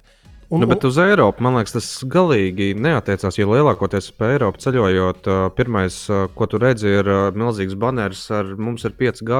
Tur bija kaut kāda frekvenču atšķirība. Šo vajadzētu pajautāt kādreiz zinošākam cilvēkam, bet kaut ko tādu es liekas, biju kādreiz prasījis un kaut ko tamlīdzīgu arī noskaidroju. Lūk, vēl no tādām ļoti interesantām ziņām šajā nedēļā bija tas, ka tātad Google sadarbojoties ar kaut kādu satelītu datu organizāciju. Uh, palīdz uh, teiksim, uh, Floridas pusē tikko bijušā viesuļu vētras, viesuļu virpuļa iena cietušajiem. Nu, tad, jā, Floridā ne pirmo reizi jau ir viesuļi bijuši, un šajā gadījumā arī iznīcināja kaut kādas pāris apkaimes. Un tad, ko izdarīja Google? Tātad, viņi izveidoja sistēmu, kas um, analizē satelīta datus, redzot, ka okay, šeit ir izpostītas kaut kādi īpašumi. Tad saliekot klāt vēl informāciju par to, kas šajos īpašumos dzīvo, kādas viņiem ir adreses, kādas varbūt viņiem ir ienākuma līmeņi. Un rezultāts bija tāds, ka 3,5 tūkstošiem noteiktu apkaimju iedzīvotājiem Floridas pusē tika izsūtīti paziņojumi, ka viņiem ir pieejams 700 ASV dolāru. Nu, cash assistance. Tas ir, kā to pateikt, nu, nauda. Ja? Vienkārši atbalsts. At, atbalsts tieši tā, paldies. Un, un tas šajā gadījumā notika automātiski. Tas uzskatām parāda, ka, um, ka satelīta tehnoloģijas var izmantot arī, arī teiksim, šādā te, mm, lietā. Tas nav pirmais gadījums. Vispār satelīti ir ļoti noderīgi, jo, piemēram, es esmu lasījis arī pietiekami daudz rakstus, kur, teiksim, lauksaimniecībā viņi palīdz pirmkārt zemes saprast, kā, nu, teiksim, vot, ka tur kaimiņam Jurim pēkšņi tur ir par 53 vai 533 hektāriem vairāk. Automati... Tur jau franču komunisti ķēra arī visus šos, te, kuriem baseini ir sabūvēti nelegāli. Tieši tā, jā, tātad Francijā atkal satelīta informācija palīdzēja uh, uzskaitīt baseinus, jo viņi laikam tur jāmaksā nodokļi lielāki par šo, te, jo tas īpašumu to laikam padara vērtīgāku. Un tāpat arī, piemēram, esmu lasījis arī par to, ka konkurenti skatās, cik daudz mašīnu ir pie citiem lielveikaliem, un automatizētā veidā var saprast, ok, tagad pēkšņi tur pie Rimčika, nu, nē, bet pie kaut kādiem veikaliem ir pēkšņi lielāka cilvēku plūsma. Un šī informācija satelītu mūsdienās, kad, kad kā mēs noskaidrojām pagājušajā epizodē, ka tev vajag 65 miljonus, lai reklāmu parādītu kosmosā, tad arī tie satelīti vairāk nemaksā tik daudz galu galā, ja tev ir SpaceX un, un, un vēl tur daža laba kompānija, kas var uzšaut gaisā lētāk, to satelītus, tad tā informācija arī ir pieejamāka. Tas vairāk nav kaut kādu bagāto valstu vai militāristu lieta, bet tu principā vari piekļūt satelīta informācijai, šiem datiem un veikt kaut kādas darbības ar viņiem. Tā ir tāda interesanta lieta, manuprāt. Lūk, tas, ir, tas ir par to. Tad vēl, tad vēl Es gribēju pajautāt, Ansī, tev, kas ir ar, ar, ar dzelžiem. Tagad mums ir situācija, ka mēs esam saņēmuši, uh, es domāju par datoru dzelžiem komponentiem, uh, ka mēs esam saņēmuši vienu ASUS sistēmu plati kopā ar jauno Ryzen, AMD Ryzen procesoru, un burtiski vakar atbrauca pie mums arī jaunais Intel 13. paudzes processors ar gigabaita sistēmu plati. Tad mums ir abu jauno platformu mātenes ar, ar procesoriem. Un tu jau Vans, esi paspējis arī salikt kopā šos kompjus, tīri testa rigus un, un padarboties. Kādas tev pašam ir pirmās atsauksmes par abām šīm platformām? Un, nezinu, tur, kā, tev, kā tev tas viss izskatās? Un vai ir jēga mums, tā tīri no klausītāja viedokļa raugoties, skriet un censties raizenus nopirkt, un tad kaut kad drīzumā, kad būs veikalos, arī varēs inteļus jau nospirkt, vai ne? Oi, Uh, Baigarais jautājums. Nu, teiksim tā, nes, nesaucot nekādus uh, modeļa numurus, labi, var nosaukt droši vien procesoru numuru. Ryzen no AMD, jā. Jā, no, jā, no AMD mums ir Ryzen 9 7900X modelis. Tas ir uh, no četriem šiem te esošajiem jaunajiem 7000 sērijas Ryzeniem uh, otrs jaudīgākais vēl ir 7, 9, 50 x, ja es pareizi nosaukšu no galvas. Manuprāt, uh, bet viņi, nu, pa lielam droši vien, tad, kad tu esi parasts ierindas lietotājs, gamers, viņiem ir nekādas, nekādas gandrīz atšķirības. Oh, ko lai pasaka labu par šo visu? Nu, es varu, pat, es varu droši vien sākt ar slikto. Sliktais ir tas, ka tas viss maksā ārprāta naudu. Uh, šie procesori ir uh, dārgi, nu, tā kā lētākais uh, Ryzen 7. Pa, 7000 paudzes sērijas, manuprāt, bija 399 eiro vai kaut kas tāds pie mums Latvijā jau nopērkams. Un tas, kas pie mums ir atbraucis, es negribu samelot, bet man liekas, viņš bija pāri pa 600. 700 gandrīz. Es, es tiešām negribu samelot, es tā nepaskatījos. Nu, un tad ir, protams, klāta šī jaunā sistēma plata, kas mums ir vajadzīga konkrētāk, ko mums Asus ir atsūtījis. Uh, To es, es nesaukšu modeļu numuru, jo tas ir šausmīgi garš un ārprātīgi neinteresants. Pie, pie mums Latvijā vēl nav nopērkams, cik es paskatījos veikalos aizvakar. Tātad, tātad tas būs ap 11, 10, 11 datumu. Bet Amazonē, Vācijas Amazonē šīs, šī sistēma plate maksāja 640 eiro, ne vairāk, ne mazāk. Nu, Protams, tur būs vēl nianses, ka tu, kamēr atsūtīs no Amazonas, tev vēl ir jāsamaksā drusku lielāks PVN, un tev jāsamaksā par piegādi, bet nu, tie, tie jau ir nieki uz šādām summām. Problēma ir tā, ka tev arī būs nepieciešams DDR5 operatīvā atmiņa, kas arī ir, nu, jāsaka, gandrīz teju divreiz dārgākā par DDR4. Un tev ir jāpadomā arī par atbilstošu spēcīgu dzēsēšanu sistēmu, Un, bet labā ziņa ir tā, ka diezgan daudzas dzēsēšanas, kas ir paredzētas AM5 soketam, nu, procesoru līgzdai, der arī vajadzētu derēt arī šiem jaunajiem raizeniem. Nu, ir YouTube ir ļoti daudzi video, kas šo te apgāž. ka tev tomēr ir diezgan jāpaskatās uz šīm dzēsēm. Un, protams, datorkorpus ir jānodzēsē ļoti labi labs points par to DDR5. Kāda tagad ir situācija? Tev ir jābūt obligāti DDR5 operatīvai atmiņai jaunajā AMD platformā, vai ir AMD, jā, AMD platforma šobrīd uh, paredz tikai DDR5, okay. kamēr Intelis uh, 12. un jaunajā, kas vēl īsti nav 13. paudzē, pieļauj arī DDR4 izmantošanu, mm -hmm. kas mhm. ir nu, sava veida plus, jo tev ir par vienu, par vienu komponentu, ja tev jau ir šis DDR4 RAM atmiņa. Par vienu komponentu mazāk ir jāsaspringst. AMD pusē tad mainījās sokets no AM4 uz AM5. Jā. Tu tā tad eh, jaunās platformas mātenē, tu nevari vairāk iesprāst iepriekšējo AMD. Pareiz? Nē, nē, nebūs.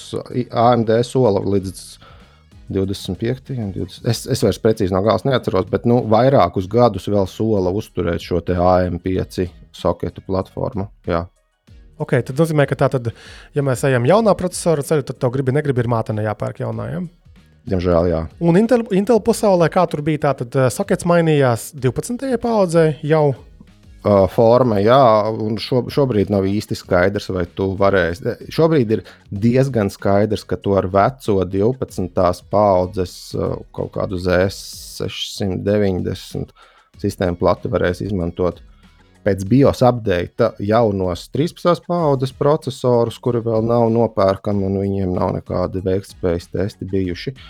Vai ir atpakaļ savietojams ar jauno Z790 sistēmu plati, vai, vai viņā varēs iesprāst 12. paudzes Intel, kas ir iepriekšējā paudze. Nu, var jau tās apsīst šobrīd. Par to vēl īsti skaidrība nav. Droši vien kaut kāda ražotāja sataisīs, bet nu, principā uz to nepare, paļauties nevajadzētu. Baigi, izklausās baigi sarežģīti, bet, kad tu paskaties, kad uh, tur ir divi pirksti uz vienas rokas un divi pirksti uz otras rokas, kā tu viņus tur saliec. Nu, Kaut, kaut kā būs, bet uh, kā tas būs, to neviens vēl īsti nav apsolījis. Vai tu pamēģināji pamērīt jau temperatūras? Kādas tev pirmās ir atsauksmes par šo? Jā, es, es, Nesaucot es saliku, detaļās. Saliku gan, gan 7000 AMD raizenu, nu, ir viņi tā kā. Nu, sola jau visu kaut ko, bet uh, jāņem vērā, ka mēs, esam, mēs sēžam uz visai agrīniem uh, sistēmu plašu, mācu plašu biosiem. Kā tur tas viss notiksies tālāk, to ir grūti spriest, bet šobrīd uh, nu, Raizen šis 9790X uh, pie mums arī kaut kādos cinebenčos, tādā ziņā, ka ļoti procesorus logojošos testos uzrādīja ja nemaldos, līdz 94 grādiem. Viņš nav nu, pāri satakam. Kas lūdzu? Nav pāri simtiņiem. Ja? Pāri simtiņiem nav, un it kā AMD ir solījis, ka šie 7000 paudzes uh, sērijas procesori it kā spējot līdz 115 Celsija grādiem strādāt. Uh, Bet, eh, cik es paskatījos eh, YouTube video, nu, neviens nav neko tādu īsti sasniedzis šobrīd. Bet, eh, kā jau teicu, ir agrīni, agrīnas bios versijas. Kā tas būs tālāk, cik kāda būs visādas virstaktēšanas, automātiskās virstaktēšanas. Strotlo? Man ir grūti atbildēt uz šo jautājumu, jo, kā jau teicu, mums ir nu, šie procesori atnākuši relatīvi ātri. It kā programmatūras dažādas uzrāda, ka ir sarkans, kas nozīmē, ka it kā trotlo. Tāpēc sabremzējas, ja pārkarstot. Sabremzējas, jā, pārkarstot, bet vai tā ir? Grū, grūti spriest, tad ir jāskatās dziļāk, bet nu, ir, ir vairākas šīs programmas, ar kurām mēs ierasti skatāmies, kā tie procesori darbojas. Uh, nu, viņas vienkārši vēl neatbalsta vai pilnībā neatbalsta. Tā droši vien būtu precīzāk jāsaka šos jaunos procesorus, šīs jaunās sistēmas plats. Un kā ar Intel pusē, tur taču viss vienmēr ir karsis un frotlojas. Intel pusē, manuprāt, mēs vēl šobrīd par to īsti nevaram, nedrīkstam runāt. Uh, ir zināmas sistēmu plašu, ir zināmas sistēmu plašu modeļi. Pie mums ir uh, atbraucis, precīzi es arī droši vien negribētu saukt, uh, gigabaita. Gigabaita šī Z790 uh, sērijas, vai kā to pareizi varētu čipkopas. Jā. Čipsete, jā. Sistēma plate tāda no mm, augšējā gala, bet es teiktu, ka būsim godīgi, ka Asusam, piemēram, tam pašam, ka, ka mums ir bijuši diezgan daudz apskati, Asusam šajā aptuveni, nu, viņa augstākā cenā ir jau klāta visādas ekstra, nu, foršas ekstras, kas būtu, piemēram, šis kodu, ko, nu, kļūdu kodu ekrāniņš ar, ar diviem cipariem skaitļiem, kas tur nu, viņam tiek izvadīts ārā. No gigabaitam šajā gadījumā ir tikai maza mazītiņa, led, lediņi, kas spīd drausmīgi spilgt, un ir ļoti grūti saprast, kas tieši ir pa problēmu. Nekādās problēmās mēs, ne, mēs uh, neesam iekūlušies pagaidām. Uh, Bet ir jāsaka, ka jaunie procesori ļoti ilgi, pirmo reizi startējis, nu, izteikti ilgi, kas ir uh, satrauc, nepatīkami satraucoši. Uh, ja tu esi salicis savu datoru, tu esi uzstādījis virsū milzīgu dzēsi, tu esi iemānījis kaut kā korpusā, un tad tas drāņķis tev startējis divas, varbūt pat bišķi vairāk, divi ar pus minūtes. Viņš to trenē ramatmiņu vai kaut ko tādu, es nezinu. Nu, tas ir nepatīkami. Mm -hmm. Pēdējos gados, mēs arī sadarbojamies ar ASUS, nu, viņi mums aktīvi piegādā šīs testa ierīces. Arī mēs esam atskatījušies un attestējušies nu, reāli ļoti daudz, es pat teiktu, nezinu, ap 20 varbūt sistēmu platēm, dažādām platformām. Un, uh, mēs diezgan labi saprotam, kāds, kādas izskatās šīs ASUS plates. Lielā daļā gadījumu, nu, tajā labajā galā viņas ir padārgas, nu, būsim reāli, bet toties tās features, te, teiksim, tā programmatūras atbalsts, stabilitāte, galu galā visi tie dzēsētāji, nu, bļāvies, nu, viņas ir līmenī. Otrā spektra galā mums ir kaut kāda pieredze, teiksim, ar lētākām MSI platēm. Un mums ir, piemēram, slikta pieredze bijusi ar, ar, ar vienu konkrētu modeli, kad viņš vienkārši nosprāga. Kaut kas tur ar, viņš nosprāga tev un pēc tam nosprāga man. Jā, jā tieši tā, nosprāga. Vienkārši viņš tur tas LED rāda, ka maksas procesora gluks kaut kāds ir. Pašam procesoram viss kārtībā, māte nav kārtībā. Aizsūtījām atpakaļ, viņi atsūtīja, nu, nezinu, uz labotu vai jaunu tādu pašu modeli. Un viņš nosprāga arī pie tevis. Tā kā Jā, mūsu pieredze pus, pusgada mm. vai kaut kas ap to, ap to laiku, nosprāga vēlreiz. Nu, lūk, un tagad uh, arī no gigabaita mums sākas kaut kāds bariņš ar tām platēm arī sabrauks. Mums būs pēc laika drusku lielāka pieredze, kādi, kā, kādi praksē izskatās teiksim, šie te gigabaita produkti. Nu, pirmais iespējas, jā, ka tās ir vienkāršāki produkti. Tur nav tik daudz foršu feature, kā ir. Uh, asas pusē, bet nu, paskatīsimies. Varbūt... Bet no uzbūves uh, viss, visi dzelži, visas, uh, kas tev tur varētu būt, uh, M2 atmiņu, dzēsēšanas. Tas viss ir arī gigabaitam, ir savā ziņā nu, līmenī. Jā. Bet, nu, protams, ir jārēķinās, ka, ka diemžēl jaunie dzelži ir ārprāta dārgi. Un, uh, kā tas izvērtīsies tālāk, ir grūti pateikt. Atkal dol dolārs pret eiro mums nespēlē par labu nevienā mirklī. Mm -hmm. Bet nu, fakts ir tāds, ka tāda oktobra mēnesī līdz oktobra beigām mums būs apskati gan AMD platformas sistēmu platē vismaz vienai, un arī jaunajai teiksim, Intel platformas sistēmu platē jau arī pat uh, pavisam drīz uh, būs uh, apskats. Lūk, jā, tev, es, tev vēl par es, PC lietām bija kaut kāds vēl. Jā, es, es vēl pēdējo gribēju no, nu, par šīm sistēmu platēm, ka ir baigi ir pārba, pārvietojušies šie pīni, kuros liek iekšā tieši korpusa dzēsēšanas ventilators. Tie ir pārceļojuši vismaz cik, es, cik šī gigabaita AMD plate, es, atvainojos, Intel plate. Uh, Viņa ir gandrīz visi, vai visi pat pārceļojuši pašā apakšā, tur, kur ir USB pievienošana, tur, kur ir power pievienošana. Par, parasti ļoti... jau viņi ir augšā pa labi, šur tur pa kreisi mēdz būt. Un citi tur ir aiz, aiz video kartes, dažkārt bija ielikti, bet nē, šo, šoreiz ir kaut kur baigi pārceļojuši. Es, ne, es neesmu pētījis, vai tas ir visiem, vai tas ir tikai mūsu sistēmas platais modelim. Bet, Gan jau, ka smukajam nu, cable managementam, lai varētu ar aizmuguri izvilkt, bet tad vajag to garos kabeļus. Nu, knapi davēlk, knapi davēlk. Ja tev ir kaut kur augšā korpusa virspusē šie ventilatori, tad, nu, tad ir jāliek pagarinātāji. Nu, tur tās nāks, teiksim, lielās videokartes, GeForce, kad mums būs lielie EATX korpusi jāsāk izmantot. Un tad mēs varēsim investēt kaut kādas naudas arī garajos pagarinātājos kabeļiem visa veida. um, video spēļu bloks. Tu mums uh, katru epizodi iepriecini ar oh, video jā. spēlēm kaut kādām, ko tas ir sarūpējis šoreiz. Es, es gribēju atvainoties iepriekšējā, varbūt es neprecīzi izteicos nedaudz par Overwatch, par Overwatch 2, kas gribēja teikt, ka tas ir nevis uh, CSGO tipa spēle, bet uh, dzelžu līmenī, ka, tu, ka daudz, daudziem ir iespēja vienkārši pievienoties, jo šeit šīs spēle neprasa spēcīgus dzelžus. Tā, ar to es esmu ticis galā. Uh, jaunā ziņa varētu būt, ka nu, ir parādījies PC building simula simulators, simulātora otrā daļa. Um, tā man liekas, viss kārtībā. Viss kārtībā. Mm. Uh, tā tad es pats neesmu pamēģinājis, un es stipri šaubos, ka es vispār kaut ko tādu pamēģināšu. Bet, uh, tā, Tev nevajag varēja... simulātoru. Tu reāli dzīvē dabū tās sistēmas, plates izbakstīties un visas pārējās komponentes līdz vēmiem. Jā, bet cik, cik daudziem mums no, no tāda, nu, cik mums daudziem ir tāda iespēja? Tagad nav tāda, nevienmēr tā ir forša iespēja, bet cik daudziem tāda ir.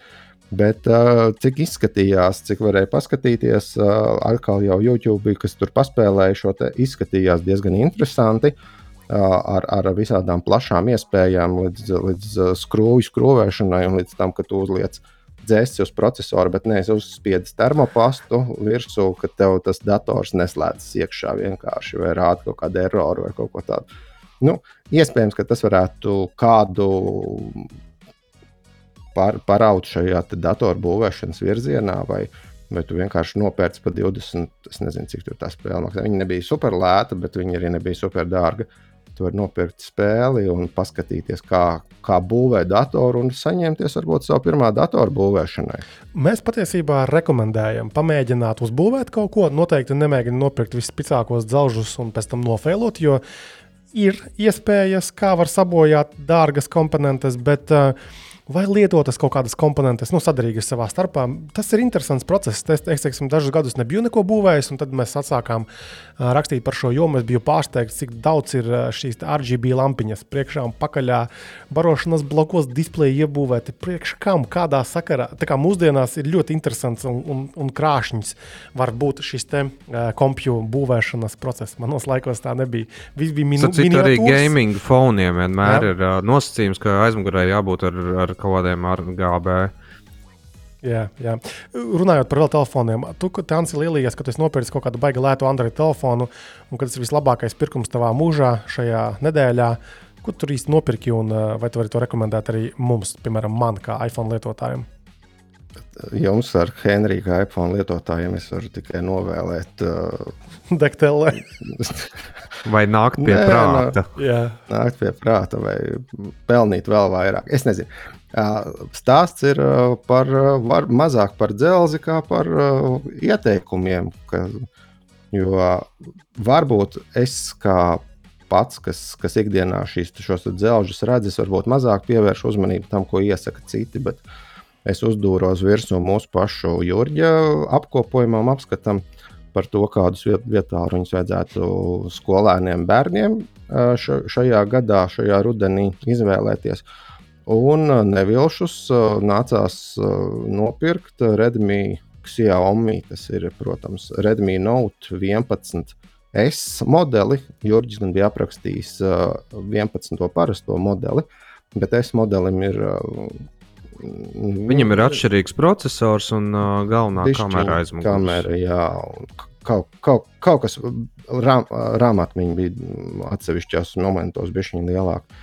Bet, lai arī kā nebūtu, šis vietā runis ar 6 gigabaitiem rāmu un 64 gigabaita atmiņu, plus to var ielikt SD kartē iekšā, maksāja nedaudz, tiešām nedaudz virs 200 eiro. Un man ir jāsaka, ka uh, šis vietā runis viņam, à, viņam ir arī AMOLED 90 Hz ekrāns ar wow. 1080p plus izšķirtspēju. Nu, Stereo skaļruņi. Tik sīk es neiedziļinājos, jo to lieto bērns. 5000 mAh jā, akumulators. Aliels akumulators ar 33 vatu uzlādi vai kaut kas tāds. Nu, un uh, lādētāji komplektā. Lādētājs komplektā un NFC, ja tu gribi kaut kādus norēķinus tur bērnam iedot, bet to gan, man liekas, līdz 18 gadiem īsti nevar. Bet, ja kurā gadījumā par 200 eiro, tas ir tiešām zem 210 eiro tepat Latvijā. Nu, bāc, izklausās, kā, izklausās es, es pēc pasakas. To, tas, tas izklausās labāk nekā tas varētu būt, bet uh, tiešām šis vietālrunis man tik pozitīvi pārsteidz. Es viņu būtu gatavs iemainīt pret uh, to, ko es šobrīd lietoju, un kas ir uh, Galaxy uh, S21 FE. Jo uh, Redmi Note 11 S ir pirmkārt lielāks, otrkārt akumulators lielāks. Un treškārt, neko tu citu nepazaudē. Ir īpaši veiktspējas ziņā. Nu, kamēr bērns nav piebāzts pilnībā ar Robloxiem vai Vansiņiem, ko tur tie bērni tur iecerējuši izmantot, nu, tas vietā runas iet nejēgā. Blēns, 200, Ļoti patīkami. 200 eiro. Par 200 eiro tu vari nopirkt, um, varēja nopirkt divas pudelītes Ilona Maska jauno smaržu. Ilons Masks tā tad uh, savā notebook, ne, kā tur bija. Uh, The Boring Company uh, tātad tirgoja iepriekš to ugunsmetēju, ja, kuru ļoti ātri izķēra. Tāds what the fuck produkts bija. Un tagad no jaunajiem what the fuck produktiem viņiem ir uh, smaržas ar nosaukumu Burned Hair. Tātad dedzināto matu smaržas, pudelīte maksā 100 doļus. Un viņš jau tvītoja, ka viņš ir pārdevis tātad 10 tūkstošus pudelīšu ar, šo, ar šīm smaržām. Tātad miljons par neko. Klasisks Ilons Masks. Bet vairāk lūdzu nerunājam šajā epizodē vairāk neko par masku, lai gan viņš sastrādājis šmucas bija arī šajā. Bet laba, nedēļā. labā ziņa ir tā, ka tad, ja tu kaut kur satiksi cilvēku un viņš uh, odīs pēc dedzinātiem matiem, tad tu saprati, tur īsti kaut kas nav ritīgi nu, tā kā kārtībā. Jaunības gados mēs gan kojās uh, mēdzām uh, frizēt, tavu rīkot, dedzinot matus. Bet tas bija aptuveni no tām pašām nodarbībām, kā mēs mēģinājām dzert alu kopā ar pienu. Aptuveni tikpat debili, ar aptuveni tikpat briesmīgu iznākumu. Nu, jā, un manuprāt, līdzīgi var raksturot arī tos cilvēkus, kas uh, izdod šādu naudu par tieši šādas kombinācijas aromātu. Jep, jep, jep. Ok, mēs tuvojamies jau pusotrai stundai, kas varētu būt tā tāds zel- zelta standarts, kam nevajadzētu pārkāpt pāri. Vai jums ir vēl kāda lieta, ziņa, tēma, ko jūs gribētu ātri izskatīt cauri šoreiz vēl? Nav nevienam nekā, ja? Jurģis varbūt gribēja par tiem viens, viens, vietas savu sensoriem parunāt. Nu, es iespējams, varbūt uh, vairāk nākamajā podkāstā, kad es pieslēgšos parunāšu, bet uh, long story short ir, uh, ir tāds, ka uh, pavisam nesen es apskatīju Honor 70, kas, starp citu, ir brīnišķīga alternatīva Huawei'iem. Ā, Tā nav Ā. alternatīva tieši Nova 10, starp citu. Uh, jā, viņš O. ir ļoti, ļoti līdzīgs. Jo, ja tu paskatīsies perimetru, tad uh, nu, ir skaidrs, ka tie abi aparātiņi ir tapuši vienā oficiālā. Nu, tā kā pilnīgi noteikti. Bet um, uh, tātad Honor 70 prezentēja, uh, tas ir pirmais pasaulē tālrunis ar uh, Sony IMX 800 uh, uh, sensoru. Uh, kam pēc idejas bija jānomaina uh, 700 līnija, uh, ko līdz šim uh, flagmaņi pārsvarā izmanto kā galveno sensoru. Bet izskatās, ka šoreiz tas, tas tiks pārlikts vēl vienam solim, un jau gan Oppo ir paziņojuši, gan Honor ir paziņojuši, gan Vivo, Xiaomi un noteikti vēl kādu esmu jau aizmirsis, ka nākamajā gadā mēs redzēsim diezgan daudz flagmaņus ar vienas colas sensoriem. Uh, ar IMX uh, 900 sērijas sensoriem. Un, starp citu, ja jums interesē, kā performē telefons ar vienas caulas sensoru, palasiet uh, flagmaņu sadaļā uh, Sony Xperia Pro AI, ko gada sākumā es arī apskatīju. Mhm, okay. Ja mēs runājam par, eh, par apskatiem nākamajai nedēļai, tad eh, jā, tātad tas būs tās asistentplates, ko jau mēs ieskicējām šajā epizodē. Plus mēs esam dabūjuši uh, jaunās Sony InZone uh, H7 austiņas. Tur kopā bija izziņots laikam trīs uh, modeļi, bet mēs izvēlējāmies vienas paskatīties tagad to H7, uh, vai jau paspēji Jansi atpakot? Vai vēl īstenībā? Es paspēju atpakot, un faktiski tur jau ir gatavs. Tā kā nā, visticamāk, nākamā nedēļa jau būs. Īsumā, nu, Sony šo to prot, bet arī Šo ir, to vēl neprotu. ka ir nolaists lūnis, to citādāk nevar pateikt, ar uh, mikrofonu. Tās austiņas izklausās pēc. Nu, nu, Nu, izklausās. Mikrofons ir. Jūs, jūs varat, ir ielikts uh, jau iekšā paraudziņš, izklausās šaušalīgi. Te gan jāpiezīmē, ka tātad Sony InZone ir jauns tāds apakšzīmols, ar kuru tātad Sony uh, mēģinās taisīt uh, nu, gameriem paredzētus accessorus. Pareizi. Pirms tam viņiem bija austiņas, kas ir ar- arī konsolēm, bet tagad ir atsevišķs zīmols, tas InZone. Jā, un šīs austiņas ir paredzētas gan mm, PC, gan Windows PC, gan arī Playstation. Turpat ir uh, uz šī bezvadu USB puļķa virsū ir pat pārslēgšanas uh, poga. Uh, diemžēl man nebija iespēja paskatīties, kā strādā ar uh, Playstation, bet ar PC un, un pat vietas runi. Tas skan super, izklausās mikrofons. cita alternatīva. Okay, paldies. Tātad tas būs viss detalizēti un ar piemēriem parādīts arī apskatā, kas tiks publicēts jau nākošajā nedēļā. Um, nu, šajā gadījumā jā, mēs esam uh, izrunājuši mūsu pusotru stundu. Uh, manuprāt, ar ļoti interesantām tēmām. Mēs esam iemetuši labus āķus uh, tajā, ko mēs darīsim arī nākamajā nedēļā. Un, jā, milzīgs paldies, ka klausījāties. Es gribu vēlreiz arī milzīgu pateicību izteikt visiem tiem, kas klausās arī mūsu regulāri. Mēs redzam, ka ar katru epizodi tā tendence ir tāda, ka ir vairāk. Bija, protams, pirmā epizode bija visklausītākā, jo kas tas ir un, un, un vai man to vajag. Bet tagad mēs redzam, ka ir jā, ar katru epizodi ar vien vairāk. Un, protams, ka pastāst arī citiem uh, draugiem, radiem, paziņām, ka, ot, ko kursors tev neraksta, ir, ir tas tehnoloģiju podkāsts regulārais, kur tiešām interesanti var uzzināt to, kas ir aktuāls pasaulē. Un, mēs arī godīgi pastāstām, ja mēs kaut ko redzam nejēdzīgu, mēs nekautrējamies no tādām lietām. Ja? Pasakām, kā ir dažkārt varbūt arī ar kādu rupjāku vārdu, uh, nu, ja tas tiešām ir nepieciešams. Jā, tā kā paldies, ka klausījāties. Tiekamies vēl pēc nedēļas podkāstā un katru mīļu dienu kursors.lv. Atā!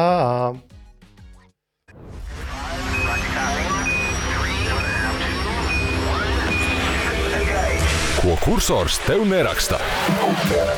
Regulārs tehnoloģiju podkāsts kopā ar Cursors LV.